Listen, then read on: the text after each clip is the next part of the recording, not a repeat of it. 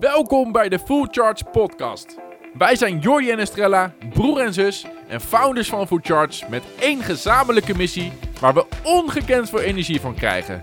Jou helpen om de meest succesvolle versie van jezelf te worden door simpele en leuke routines.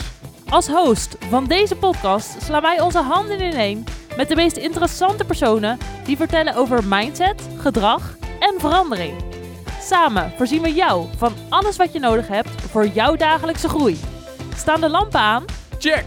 Draaien de camera's? Wacht even. Check! Top, we zijn klaar om te beginnen. Ralf Moorman, welkom terug bij de Full Charge Podcast. Yes. Vorige keer hebben we het eh, vooral gehad over hormonen en wat ze nou precies zijn. En in deze aflevering willen we hem iets praktischer insteken en eh, willen we hem meer betrekken op wat jij op dagelijkse basis doet om goed om te gaan met je hormonen. Ja. Ehm, nou, dat is misschien best wel breed, maar kunnen we daarmee beginnen? Van wat doe jij nou op dagelijkse basis en met de kennis die je hebt om ervoor te zorgen dat je je goed voelt? Sowieso even een, een disclaimer. Ehm, uiteindelijk, hormonen beïnvloeden is maatwerk. Juist. En wat ik doe, hoeft niet per se voor een ander eh, te werken. Hè, dus, dus, dus dat is alleen maar... eh, goed, mijn eigen zoektocht kan ik je een beetje in meenemen. Ja. Ja, zelf allerlei dingen op mezelf ge- getest. Eh, toen ben ik eh, mee gaan doen aan een natural bodybuild wedstrijd. En wat ik toen moest doen, van de, dat was een advies van de trainer... dat was, eh, gooi je koolhydraten maar uit vlak voor die wedstrijd. Dus ik ging heel laag in de koolhydraten. En toen merkte ik op een gegeven moment... hey, de puisten op mijn rug gaan weg. Ik was al 30, eh inderdaad, want ik kwam, onder 30 had ik nog steeds puisten op mijn, op mijn rug. De puisten gingen weg. En daarnaast, eh, wat ik eh, merkte, ik voelde me toch wel wat, wat helderder en scherper. Ik denk, hé, hey, wat is hier aan de hand? Nou, op dat moment dacht ik, verdorie, koolhydraten, is- dat is het probleem. Dat is ook de, de, een beetje de start toen ook van de laag koolhydraatrage. Die was op dat Ja. moment heel erg eh, gaande. Is nou weer terug aan het keren trouwens. En ik dacht dat ik me beter voelde door, door laag koolhydraten te eten. En later kwam ik erachter dat het om het soort koolhydraten ging. Want ik ging op een gegeven moment eh, rijst eh, introduceren. En daarmee mijn koolhydraten opvoeren. Ik, van, hey, ik voel me nog steeds goed. En toen kwam ik erachter dat ik glutensensitief was. Hm. Hè, dus dat zit weer in tarwekorrel en in, dus in brood en in, in, eh, in pasta. En die had ik dus onbewust eruit gehaald. Hè, niet wetende dat het aan de gluten lag, dat ik me beter voelde. Ja. Dus dat, dat is wel wat ik toen ontdekt heb. Ehm, later ben ik eh, ook naar Amerika gegaan voor allerlei artsenseminars. En daar hadden ze het al heel vaak over gluten. Dat was toen al heel populair daar, in Nederland nog niet. Hm. Hè, er waren mensen die hebben niet de auto-immuunziekte celiakie. Dat is natuurlijk de medische aandoening waarbij je dat eh, niet mag eten. Ja. Eh, maar die hadden wel voordelen. Dus daar begon het eigenlijk. En ze hadden het ook over componenten binnen zuivel. We dachten hier altijd aan dat het eh, lactose-intolerantie was het enige ding wat je met zuivel ongeveer kon hebben. Kon hebben. Nou, dan kwam je erachter dat je ook eh, voor het eiwit, de caseïne, dat je daar gevoelig voor, eh, voor kunt zijn. En toen dacht ik, verdorie. Ik weet nog wel vroeger die, die potten met, met caseïne-eiwit. Ja. Nou, ik, die puisten die knal- knalden echt. En als, en als ik inderdaad mijn rug trainde, dan moest je niet achter me staan. Want, nou, dit was één grote kraterellende op mijn rug. dus dat, eh, daar kwam ik achter, hey, die caseïne-eiwit is ook niet zo goed voor mij. Hm. En later heb ik ook ontdekt, van, van, dan heb ik een andere test gedaan. Toen ging ik bij mezelf testen, wat doet ei met cholesterol? Als ik nou eens even 10 eieren per dag ga eten, eens kijken wat er met cholesterol gebeurt. Dus ik meet het vooraf, een half jaar lang 10 eieren per dag gegeten. Ja. En mijn cholesterol ging prima, er was niks meer aan de hand. Helemaal geen verandering. Eh, zelfs lager was hij. Hm. En toen eh, kwam ik, eh, was de ei, waren de eieren op. En toen kwam ik achter, hé, hey, ik voel me nou toch wel weer wat, wat fris, frisser en scherper. En denk ik, verdorie, in, in mei leggen alle vogels een ei... en ik zit gewoon het hele jaar door tien eieren per dag te eten. Dat is niet logisch volgens natuur. Dus dat heb ik, dat heb ik mezelf nog even intolerant voor ei gegeten ook. Dus vanuit daar ben ik mijn, voedingspatroon gaan inrichten. Op dat moment was het zo, ja, als je verva- vervanging zocht... dan hadden we glutenvrij brood en we hadden rijstwafels en dat soort dingen... En glutenvrij brood, dat was zo'n bagger toen op dat moment. Het was Ja. niet lekker, het, het zat vol met eh, gebrande suiker, gewoon rotzooi. Ja. Dat ben ik vooral op rijstwafels overgegaan, beseffende dat rijstwafel de bloedsuiker snel kan verstoren. Maar als je het belegt met bijvoorbeeld vetrijk beleg, dat remt weer de stijging van de bloedsuiker. Dus dan hadden we, had ik, eh begon ik met rijstwafels, daar deed ik gerookte zalm op en dat soort dingen allemaal. En eh, dat nam ik dan twee keer per dag. En s'avonds nam ik een, een, ja, gewoon avondeten met een glutenvrije koolhydraatbron. Met gigantisch veel groenten erbij. En daarnaast nog een eiwitbron in de eh, vlees, vis en dat soort, eh, soort zaken. En zo was ik toen eh, een hele tijd bezig. Dan voel ik me gewoon top op. En dat is eigenlijk ook een beetje het begin geweest van het hormoonfactor programma wat ik in mijn boeken beschreven Mm. heb. En ja, er waren natuurlijk wat dingetjes waarvan ik dacht van... hé, hey, ik zit nou wel rijstwafels te eten... maar is het voedingswaarde, dat stelt helemaal niks voor. Ik zit, Nee. het zit lucht te, Lucht, e- ja. lucht te eten en, een- en een klein beetje ja, lege koolhydraten. Dus, dus meer was het eigenlijk niet. En toen dacht ik, waarom zijn die glutenvrije broodsoorten nou zo ontzettend ongezond? En ik ben ingenieur levensmiddeltechnologie. Als niemand het gaat doen, ga ik het zelf doen. Dus ik ben naar Duitsland gegaan, aan de slag gegaan met glutenvrij decembrood. Ik denk van helemaal, helemaal volledig alle vezels erin. En nog een decem eh, 48 uur proces ook. Het meest gezonde brood ter wereld bestond gewoon niet. Ik was zelfs in Amerika bij Whole Foods. Ik denk van nou, hier zullen ze wel wat hebben. Ook niet. Niet. Hmm. Dus ik moest het zelf gaan doen. En dat is dus in Duitsland begonnen. En dat is me in drie jaar tijd gelukt om dat op de Nederlandse markt te krijgen. Eh, onder het label Jam. Dat was een glutenvrij merk wat al bestond. En eh, die waren bereid om dit ook eh, op de markt te brengen als extra met een logo van mij erop. Hmm. Dat is eh glutenvrij decembrood dus geworden. Hè? Jam Decem heet het. Ja. En dat is intussen weer onderdeel van mijn voedingspatroon geworden in plaats van de rijstwafel. Ja, wel wat voedzamer. eh, ja, precies. Dus dat, eh, dat, het wordt eigenlijk steeds beter. Als ik nou de supermarkt bekijk, als je glutenvrij eet of, of, of koolhydraatarm en dat soort... Joh, je hebt zelfs uh, bloemkoolrijst. en Dit is, dit is niet, niet te geloven wat Ja. voor alternatief je hebt in die, in die supermarkt. Ja. Dus ik denk eigenlijk, het is nu een stuk makkelijker dan, dan het was.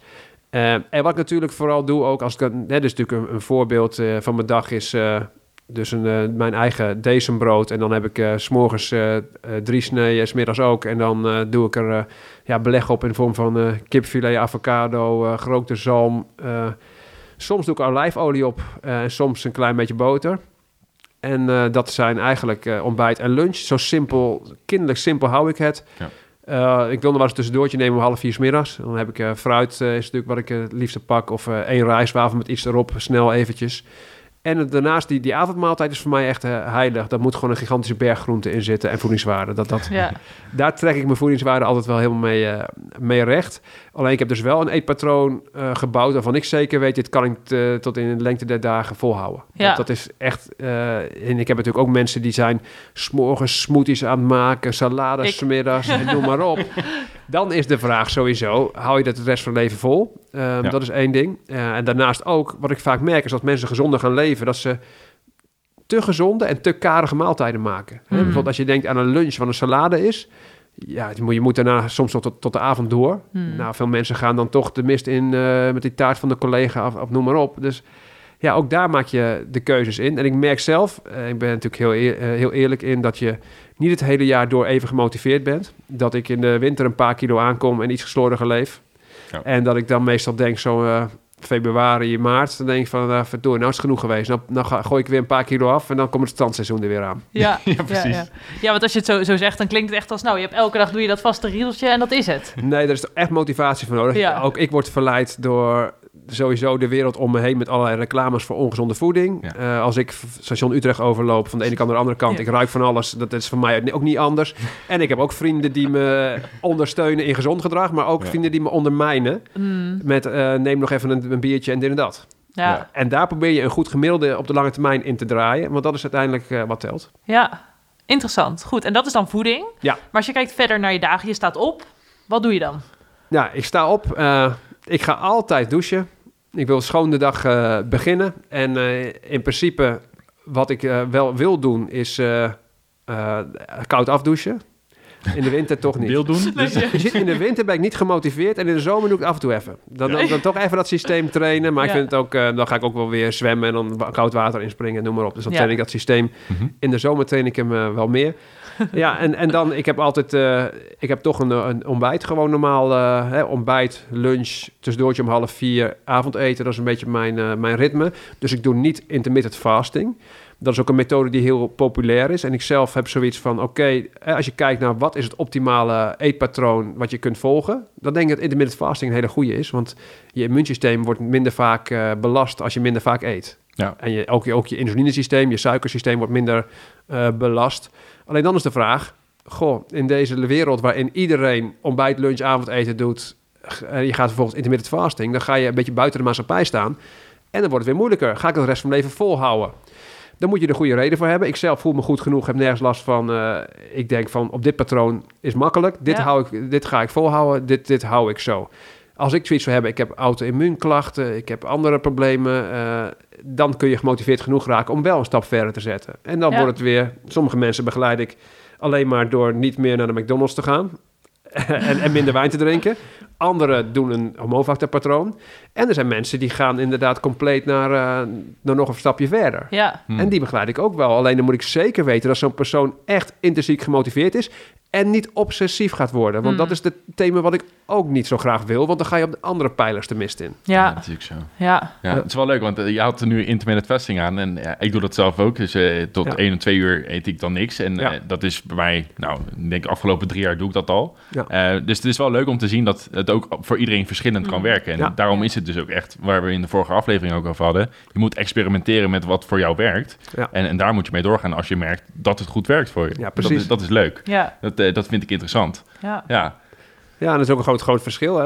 Je leeft nu, kijk nu misschien naar je huidige manier van leven... dat het intermittent vasten goed werkt. Ja. Maar als jij zes uur s morgens eh, moet verschijnen ergens eh, op je werk... en, en ja, dan Ja. om twee uur gaat eten, dan... dan Ja. je hebt lichamelijk werk... dan misschien is het dan niet voor jou. precies. Ja, dus Dat het hangt ook weer af van je situatie, hoe je dag eruit ziet. Ja, en, en je leven kan veranderen en dan kan Ja. er net een ander patroon bij passen. Daarnaast kan ook je motivatie veranderen door omstandigheden. Hè? Bedoel, Als Ja. jij, jij nu heel druk zou zijn met een verhuizing of met eh, weet ik veel wat voor dingen er op je pad komen, dan kan het zijn dat je motivatie minder wordt, dat je het beter doet op een wat makkelijker eh eetpatroon. ja. Zeker. Ja. Ja, dat is, eh, ja, ik vind dat heel, heel erg leuk om dat eh, zeker nu aan tafel aan te horen van ja, jij hebt natuurlijk je ding wat, wat jij dagelijks doet, ik heb een ander ding Ja. en het werkt voor ons allebei op dit moment. Ja, Eh, dus dat is leuk om ja, voor de luisteraars en kijkers eh, om dat ook mee te geven. ja, Van ja, iedereen is anders, en dus experimenteer maar.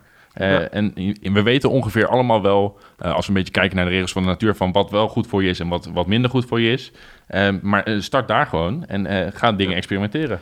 Ja, en, en dat is voor, voor best wel veel mensen lastig. Ja. Ik krijg toch vaak die vraag van Ralf, kun je er even een eetschemaatje voor me maken? ja, herkenbaar. makkelijk. Nee, dat kan ik niet. We kunnen wel samen eens eventjes wat, eh, Ja. wat gaan doen en ergens beginnen. Hè, dus, dus, de- dus dat is, eh, er zijn heel veel wegen naar Rome. En ik heb zelf nog natuurlijk een homofactor-programma. Dat is niet één plastisch ding wat voor iedereen werkt. Hè. Dus Nee. daarbinnen ga je nog eh, dingen zoeken. Maar je hebt ook heel veel andere eh, de boeken die geschreven zijn. Bloedgroepdieet, Ayurveda. Je kunt het gek niet bedenken. Of het is een, ja, uiteindelijk een, een startpunt naar maatwerk. Mhm. En je kunt op allerlei verschillende dieetvormen instappen. Maar als je uiteindelijk di- dit beheerst om dat eh, bij jezelf uit te testen, dan kom je toch bij een maatwerk ding uit. Ja. waar je ook start. Ja. Ja, ja. Ja, en dan hebben we het nu over, over voeding en over koud douchen. eh, of tenminste een koude plons nemen om dat te triggeren. Ja, om, nou, om de dag te be- beginnen. Ja, Ja, als je dan kijkt naar beweging, wat doe je op dat gebied dagelijks of wekelijks? d- ik ben, ben eigenlijk. eh, eh, ik- ik merk dat, dat, dat ik. eh, een, een- de krachttraining, dat is toch een basisding van mij. Als ik dat niet doe, dan vind ik mijn li- lichaam echt wel een beetje instorten. En dat is twee à drie keer per week wil ik gewoon een eh, hardcore krachttraining eroverheen. Ja, Eh, Ik moet wel zeggen, zeker omdat ik zelf geen, eh, geen trainer heb eh, en, en, en dat allemaal zelf doe, ehm, dat het best een na- uitdaging is om, je, om te wisselen van schema. Dat is eigenlijk voor iedereen heel belangrijk, Ja. hè, want een, een krachttrainingsschema blijft alleen maar werken wanneer je een prikkel blijft veranderen om de zoveel tijd. Eh, ik doe best wel vaak hetzelfde. En dan eh, ben ik blij als ik af en toe een keer een trainingsmaat heb die me even totaal uit mijn, uit mijn ja. systeem haalt. Want je Mhm. wordt toch op een gegeven moment eh, de weg van, van lui worden. Dat is toch een soort menselijk iets, lijkt er wel. Mhm. Ehm, eh, daarnaast doe ik, eh, ja, als soort uitlaatklep is voor mij eh, wielrennen en, en, en mountainbiken. En vooral het eh, mountainbiken is voor mij iets ook om mentaal, om als ik ergens in vasthang, om dan eh, compleet eventjes eh, niet met mijn werk bezig te zijn en noem maar op. Want Hmm. anders dan ga ik tegen een boom aan. Dus, dus ja, je, moet, ja je moet je focussen, ja. ja, dat is het mooie van dat soort, eh, dat soort dingen. En het is goed voor mijn conditie, maar het is vooral voor mij mentaal heel belangrijk dat ik in de natuur ben en, en eventjes uit mijn systeem ga. Ja, Mm. ja, en dat heeft dan natuurlijk te maken met een stuk stress, hè? Ja. Eh, doe je daar nog andere dingen voor op een dag? Nou, ik monitor me wel vaak heel, heel vaak op de vraag van wa- eh, wat geeft me energie, wat kost me energie. En als iets me energie steeds meer gaat kosten, dan kan het zijn dat iets me niet meer zo mo- motiveert, omdat ik niet, dat het geen uitdaging meer is. Mm. Ik, ik, doe best wel veel dingen al, mijn bedrijf bestaat eh, 12 jaar bijna. Eh, ik doe veel dingen al best lang. Ja, En ik moet mezelf blijven uitdagen en zorgen dat de dingen die ik doe me energie geven. Als het niet zo is, eh, anders regelen. En eh, er zijn heel veel trainers voor wie het wel weer een uitdaging is, die ik opgeleid heb. Eh, dus, dus zo ben je uiteindelijk altijd eh, jezelf dat aan het eh, bevragen. En eh, ik zelf qua stresspersoonlijkheid valt het mee. Ik ben niet iemand die, die perfectionistisch is. En al helemaal geen compulsief helper. En Nee. dat, zou, dat is misschien raar, want ik help heel veel mensen. Alleen het is niet voor mij een, een, een stresspersoonlijkheid... dat ik allemaal ellende voor anderen op me wil nemen... en iedereen wil helpen. Nee, Dat scheelt ook al wel. dat scheelt wel. ja. Dus, dus in feite, ja, het feit dat ik niet eh, uit balans geraakt ben in al die jaren, dat is wel een teken dat, ik, eh, dat het ergens eh, goed gaat. Want Ja. ik heb best wel wat te verduren gehad hoor. Neem dat van mij aan. En dat is niet Ja. alleen op, op het werkvlak, maar ook op zeker de eerste jaren, op dat ik met iets, met iets nieuws kwam. En dat vond, vond niet iedereen leuk. Nee. Ik heb flinke fi- fitties gehad hoor. Met, Hm. eh, met vooral conculega's die zoiets hadden van ja, hallo. Ik ben het altijd plat over calorieën aan het hebben. Jij gaat zeggen dat hormonen iets met calorieën doen. Eh, Ja, dat een calorie geen calorie is. Eh, ja, ja. dat, dat, dat werd mij gezegd. Een calorie is, is geen calorie, Ja. maar dat heb ik nooit gezegd. Ik bedoel, hormonen doen iets met calorieën. Hè, hormonen die sturen je basaalstofwisseling, dat is een klein thema. Ze sturen ook calorieën meer richting vetmassa of spiermassa. En daarnaast honger en verzadiging is heel erg van belang eh, dat hormonen in balans zijn. Je kunt je ze als hormonen uit balans eh, raken, dan heb je gewoon een grotere uitdaging. Dan moet je, meer, dan moet je gemotiveerder zijn dan een persoon die dat niet heeft. En Mhm. dat is natuurlijk het eh, thema. Je bent nooit, nooit dan kansloos en slachtoffer. Dat Mm. zeker niet. Nee. Mhm. En ik heb ook, hè, buiten hormo- hormonen zit ook een heel belangrijk thema. Dat is gewoon eten zonder honger. En heel, hè, kijk, en als je in dierenrijk kijkt, je zou bepaalde hormonen kunnen toedienen die verzadigend zijn. En dat werkt. Bij mensen, dan heb je die eten zonder honger niet uitgeschakeld. En mensen blijven er gewoon, ja, blijven toch een overgewicht dan, eh, dan houden als je daar niks mee doet. Ja. Ja, en dat eten zonder honger, daar zijn eh levensmiddeltechnologen zoals ik, wat, wat ik in mijn studie gedaan heb, ook verantwoordelijk voor. Want die maken allerlei levensmiddelen die pretstoffen vrijmaken in ons hoofd. Hè? Dus- Mm. Dus niet alleen dat dat toevoegingen zijn. Het vraagt, de- denk oh, er zitten stofjes in. Nee, het is gewoon een combinatie van mondgevoel, smaak, geur, eh, waardoor je in een soort feestje terechtkomt. En dat onthoud je. En dan denk je, als ik een negatieve gemoedstoestand heb, kan ik het daarmee uitdoven. Of als ik juist iets wil vieren, positief, kan ik het versterken. Hm. En, en dat zorgt ervoor dat in het dierenrijk heb je dat niet, en natuurlijke producten. Maar dat wij al die producten wel hebben, waardoor we veel meer gaan eten zonder honger. Mhm. Ja, want de, de twee belangrijkste hormonen, denk ik, in relatie tot, eh, tot je hongergevoelens zijn ghreline en leptine, denk ik. Dat, ghreline- dat zijn echt die oerstoffen. Ja. Het, het is nog een stuk ingewikkelder dan het lijkt hoor, met, Ja. eh, met dat verhaal. Alleen we weten dus ook dat ja, bij de mens komt, eh, heb je daar niet je eten zonder honger mee ge- gepareerd, helaas. Mm, Ja, en is het nou met alle kennis die je hebt, eh, dat je alle keuzes die je maakt, dat je die afstemt op het optimaliseren van je hormonen? Of eh, kijk je ook nog steeds door een bepaalde lens van, nou, ik doe gewoon wat goed voelt voor mij en ik Ja. weet wel dat bepaalde dingen dan niet optimaal zijn, maar ik vind het gewoon fijn om dat te doen. Eh, eh, Weet je, heb je daar een beetje een balans in? Ik heb me natuurlijk eh, gespecialiseerd in het hormonale deel. Alleen ik weet ook heel veel van andere dingen. Ik Ja. weet ook al over, darmtherapieën. Ik weet van alles. Je kunt het gek niet bedenken. Of ik heb daarover gelezen. eh, die, en die, die, als een soort toolbox heb je hormonen erin. En heel veel andere dingen die je op bepaalde momenten inzet. Mhm. Alleen hè, het lijkt misschien als je kijkt naar maar wat ik schrijf. Dat, dat ik alleen maar over hormonen heb. En dat is omdat ik dat, dat gebied gewoon toe-eigen. Ja. Simpel. Hormonen is Ralf Moorman, Ja. is hormoonfactor. Klaar. ja, ja, dat doe je slim. Ja. Ja, maar je hebt natuurlijk heel veel mensen die, eh, die heel veel kennis hebben op een bepaald gebied. Maar het hoeft natuurlijk niet altijd zo te zijn dat je exact alle dingen doet die, die je uitspreekt. Of dat hebben heel veel mensen Ja. ook. Weet je, als ze gaan beginnen met bijvoorbeeld een dieet, dan moet het allemaal precies afgewogen zijn en, en dat soort dingen allemaal. Maar ik denk niet dat we als de meeste mensen zo ver moeten gaan kijken. Nee, zeker niet. Je, je pakt er die dingen uit. Alleen wat, wat, wat vaak het grootste probleem is, mensen die willen op een gegeven moment eh, veranderen, want de pijn is groot genoeg. Dat is meestal de oorzaak. Ja. Ze hebben ergens last van. Ja, en dan eh, eigenlijk wat ze dan, dan vaak doen is van eh, afgelopen jaren wat ik gedaan heb, dat boeit niet meer. Vanaf morgen ga ik het helemaal anders doen. Precies. En het enige wat je moet doen is, waar, wat heb ik de afgelopen jaren gedaan? Dat wil je helemaal in kaart brengen. En wat zijn dan de gedragingen die mij het meest ondermijnen? Hm. Ga daarmee beginnen en lees daarnaast het boek even ter inspiratie. Misschien er nog een paar extra tips in staan. Ja. Maar mensen doen dat niet. Die gaan niet kijken naar hun verleden en die gaan zoeken naar het eetschema in het boek. En gaan het nadoen. Ja. Ja. Daar leer je niks van. En, Nee. het, is zo, en het is zo anders dan jouw eigen patroon, dat het nooit tot blijvende gedragsverandering gaat leiden. Hm. Nee. Ja, en daarom bestaat er ook dus ook geen gouden tip of een, een, Nee. een magische pil. Nee, je merkt ook, hè, als je boeken schrijft, ik zelf, ja, je maakt een soort van, je schrijft dingen op die voor veel mensen werken. Het is, het is nooit maatwerk. Eh, tegenwoordig heb je ook steeds meer online programma's. Daar kun je wel wat stap voor stap werken en wat Ja. meer opdrachten meegeven met een werkboek, zodat mensen wel aan zichzelf eh, werken. En personal coaching is natuurlijk helemaal maatwerk. Ja. Ja. Ja, precies. Ja. Maar er bestaat dus eh, eigenlijk niet echt een, een perfect iets wat voor iedereen werkt. En je moet gewoon kijken wat goed werkt voor jou. Daar komt het daar Nee, is ook zo. En, en het, de vraag is ook, je hebt eh, het ideale eetpatroon denkbaar voor jou. En je hebt hoeveel kun jij eh, aan gedragsverandering aan. Mhm. De, en, en, Dat is ook hele belangrijke. Dus ja. we hebben het zo vaak. En dan, dan zit ik weer in de media en dan heb je weer een discussie met iemand over het ideale eetpatroon. Ja, lekker Ja. belangrijk. Ja. Niemand haalt dat. Nee. Eh, en sowieso is het heel persoonlijk. En, en het is ook nog eens een keer welk onder, welke onderliggende aannames heb jij over gezondheid. Dus dat is ook een heel groot Hmm. eh, probleem.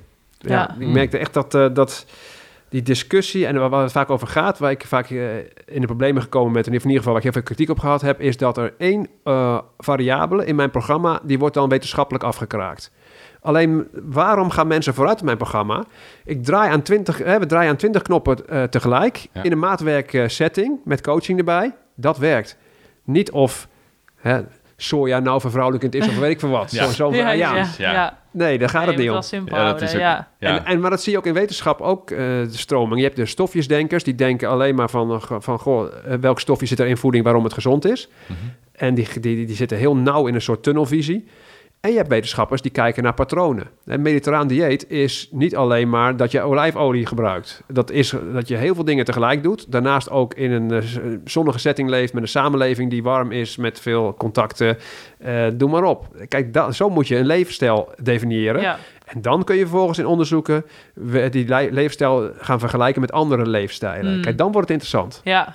Ah. ja, maar wel naar het bredere plaatje sowieso kijken. Want dat zie je heel Ja. snel. Dat mensen zich op één ding heel erg gaan richten. Ja. En dan, waar is de rest? Ja, dat hadden wij natuurlijk ook in onze tijd van, van coaching. Ja. Kregen we de, de meeste vragen die gingen over wat zijn de beste supplementen Ja. die je kan nemen. En dat, eigenlijk is dat het topje van de piramide en waar je op moet focussen. Want ja, Ja. De, de laag die eronder ligt, dat, is, dat zijn echte basisdingen van nou, eet gewoon gezond, gevarieerd. eh, Ja. Ga op tijd slapen, beweeg voldoende. En, en dat zeg jij nu ook met je Het dagelijkse is, routine. het is Ja, altijd het details. klinkt heel, Ja. simpel, heel ik, simpel. Ik kijk vragen, ik krijg vragen van mensen die, die zeggen... moet ik nood, nou een nacht weken in de koelkast om de vitaminezuur eruit te krijgen?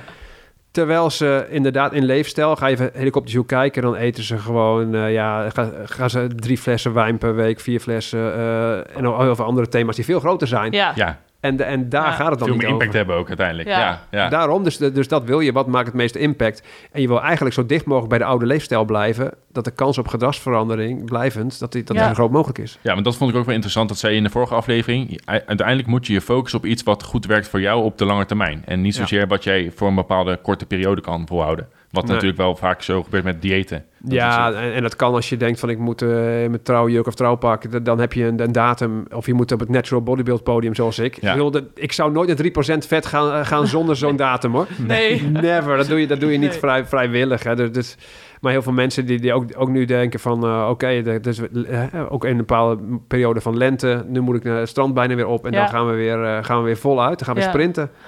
Terwijl ja, het- je, je lange termijns gemiddelde is het enige wat telt. En, en het helemaal in de winter uit de hand laten lopen... en dan recht trekken, dat, eh, Nee, is, dat is hem goed. niet. Nee, nee. Ik vind het wel mooi dat je zegt, wij, wij zijn heel erg voor stap voor stap in kleine stappen dan iets creëren wat je op lange termijn vol kunt houden. En wij sturen daar heel erg op routines. Dus doe elke dag, creëer iets. Bijvoorbeeld hoe je wakker wordt, wat doe je dan voor het slapen gaan. eh, waar jij je dus goed bij voelt. Maar vooral ook, waarom doe je het? Nou ja, dat Yes. is heel belangrijk. En heel vaak, dat, dat zeg je ook bijvoorbeeld met, met zo'n datum. Eh, heel vaak zeggen, oké, ja, ik ga nu gezonder eten voor de zomer om strakker te worden. Of om, om meer in shape te zijn. En is de zomer voorbij. Ja, en waar is de waarom dan gebleven? Die is weg. Dus dan Ja. ben je ook zo weer terug. Ja, dat is altijd. Dus je moet eigenlijk een wa- waarom hebben die, die, die het hele jaar door geldt en op de Ja. lange termijn ook blijft gelden. Alleen dat ja, dat is lastig hoor. En, en besef ook, er komen altijd dingen op je pad die op dat moment belangrijker zijn. Dat is ook zo. Ja, dus in die zin, dat zegt Paul ook altijd heel goed. eh, je verandert vanuit urgentie of passie. En die urgentie is de pijn. En het liefst heb je natuurlijk die passie. Ja. Maar ja, vind dat maar. Want dat heb jij ook natuurlijk heel erg voor wat je doet, hè? Ja. Die passie. En dan wil je ook experimenteren en kijken hoe kun je nog beter voelen. Ja, precies. Ja. En, en het is ook een soort van, ja, goh, wat heb je in je leven überhaupt mee- meegekregen? Hoe belangrijk vind je het? hè? Ik, ik, ik ben zelf nooit echt uit shape geweest. Ik vond het altijd al, eh, al belangrijk. Ja, Ja, en, en, en het is ook zo, wellicht heb ik het ook best wel makkelijk. Of misschien dat ik hormonaal op een bepaalde manier in balans ben, dat ik minder tegengewerkt word. Of dat ik in mijn jeugd hè, op een bepaalde manier opgevoed ben met bepaalde voeding, met bepaalde gewoontes, dat die eigenlijk eh, re- redelijk goed waren. ja, En een bepaalde relatie die je in je jeugd met voeding opbouwt. Is totaal anders tussen mensen. Hè? Het is, het is nooit- je kunt nooit zeggen van, goh, diegene heeft overgewicht, dus die heeft geen karakter. Nee, precies. Dat soort Nee, onzin, dat, dat, dat, dat Ja. hoor ik wel vaker, dat soort uitspraken. Maar dan heb je totaal geen verstand van zaken. nee. Eh, gewoon de ene persoon heeft het een stuk moeilijker dan de andere. En je moet met die persoon samen kijken hoe kun je tot het beste resultaat komen. Ja, iedereen komt ergens anders vandaan. eh. Ja. Wij eh, stellen altijd eh, twee vragen omtrent routines aan ons gasten. Die willen we ook graag aan jou stellen. Eh, en de eerste vraag is, op welke routine die jij op dit moment hebt, hè, dus wat doe je op dagelijkse basis, waar ben je het meest trots op? Welke routine? Hmm. Dat is een hele mooie, mooie vraag.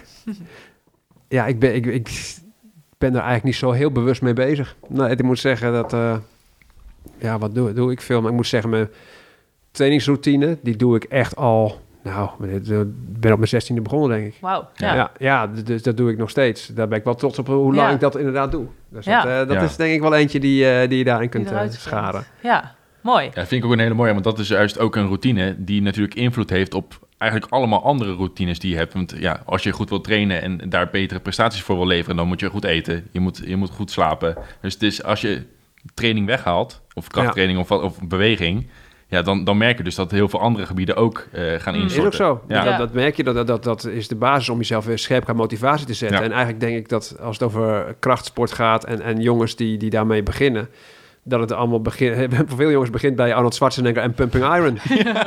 Dat is een, eh, een documentaire. begonnen, Ja, Ja. Een documentaire van Arnold Schwarzenegger, waarin die, eh, het bodybuild documentaire, waarin die inderdaad aan het trainen is met zijn vrienden in, op Santa Monica Beach, hè, Venice Beach. Ja, En daar zie je gewoon het ideale leven voor je. Je bent eh, eh, op bepaalde tijd aan het trainen. Je lacht met je vrienden. Vervolgens ga je naar het strand showen. Dan heb je eh, een paar Ja. vrouwen om je heen. En dan ga je s'avonds uh, eventjes bij iemand thuis. Uh, thuis thuisfeestje gezellig. en, en dat beeld dat je dan voor ogen hebt... Dat is toen ingeprent. En het is nu nog steeds als ik, als ik in een gym sta. Ja. Dat ik denk van wow. En, en, en het is echt niet dat ik ooit denk dat je in de buurt van een Schwarzenegger kan komen qua fysiek of weet ik veel wat. Maar het is gewoon een onhaalbaar iets waar je wel gemotiveerd door wordt. ja. Ja. En dat Ja. kan ook weer goed zijn. hè. Dat, is- ja, wat dat betreft is het prima. Maar dat is inderdaad wel hoeveel jongens erin staan. Eh, Ja. Ze, ze hebben die documentaire gezien. En dan denk je van nou, als ik een maand eh, zo in de sportschool sta, Ja. dan, dan heb je dat ook wel een beetje. Ja, Dat, klopt. eh, zo stond ik er toen ook in. Dat was, eh, was wel grappig. Ja, Ja, Maar- zo, zo wordt iedereen door iets anders gemotiveerd. En dat plaatje wat je voor je hebt, dat, dat kan er net voor zorgen dat jij een keuze hebt tussen een korte termijns geluk van iets ongezonds en, en, en het lange termijns geluk van iets gezonds. Ja. Ja. Dat kan je net over de streep trekken. En ja, dat is voor iedereen anders. En dat plaatje moeten we gaan creëren. Het, het positieve plaatje wat je eigenlijk wil zijn en misschien niet eens kan halen. Mhm. En het negatieve plaatje van stel je voor als ik het niet doe, hoe ziet mijn leven er dan over tien jaar uit? En dat, ja, die twee die zorgen voor motivatie. Ja, Hmm. ja, Ja, dat is een goeie. ja. En dan de, de andere vraag is op welke routine je het minst trots bent. Ja, dat is mijn... eh, Die, die komt wel sneller. ja.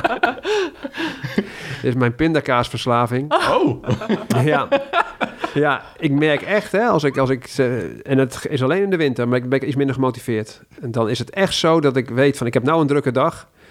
Dat je een soort van troost neemt en dan heb je, en moet je een boter hebben, laag boter en pindakaas. Die moet dan, en, en, en dan maak je jezelf wijs van, ja, ik heb het heel druk vandaag, dus ik zal het wel nodig hebben qua Ja, ja. energie. Nou nee hoor, het komt gewoon op je, op je buik te zitten. Dat, dat is echt overduidelijk. Maar dit is echt wel een... Maar die speelt ook weer vanaf mijn jeugd hoor. Dat is Ah. ook al Oké. ik voor de eerste keer dat ik pindakaas... normaal. Het is echt fantastisch. Ja. Oh, wat mooi. Nou, dat is wel hoef ik jou niet te overtuigen. Want ja, vroeger was je er geen fan van. Maar nee, toen nu, moest die eh, pot echt weg. ja. Ik kon gewoon niet tegen de geur. En nu ook op alles gewoon. Echt, ja, maar echt. Ja, ja, ja. ja, Ja. bizar. Leuk. Maar leuk, ja, dat is een leuke Dat is wel een, een uniek antwoord. Die hebben we nog niet eerder gehad. Dus, eh, ja, Nee, meestal is het omtrent slaap, weet je wel, van s'avonds op mijn telefoon of laat naar bed. Maar dit is wel een... eh, Ja, maar een- het is zo. Ik heb ik s'morgens ook. Ik heb altijd de keuze. Ik heb mijn vriendin ligt naast me. Dan heeft ze of de slaap, slaapmasker op of niet. Als, ze, als die als masker op is, pak ik eerst de telefoon. En anders keus ik eerst mijn vriendin en dan telefoon. Oh ja. Geniaal, ja. Wat leuk. Nou, ik eh, ja, denk dat we hem gaan afsluiten. Ja. Dank je wel weer. Graag gedaan. Ik vond het een, eh, een leuk gesprek. Ja, leuk dat we hem zo persoonlijk konden maken Ja. in deze aflevering. eh. Vond ik ook. Ja. Ja. En wie weet tot de volgende keer. Yes. Dankjewel voor het luisteren naar deze aflevering. Wil jij op dagelijkse basis werken aan de routines van de meest succesvolle versie van jezelf? Vergeet dan niet te kijken op fullcharge.nl voor al onze challenges. We zien je graag bij de volgende aflevering. En in de tussentijd, stay charged!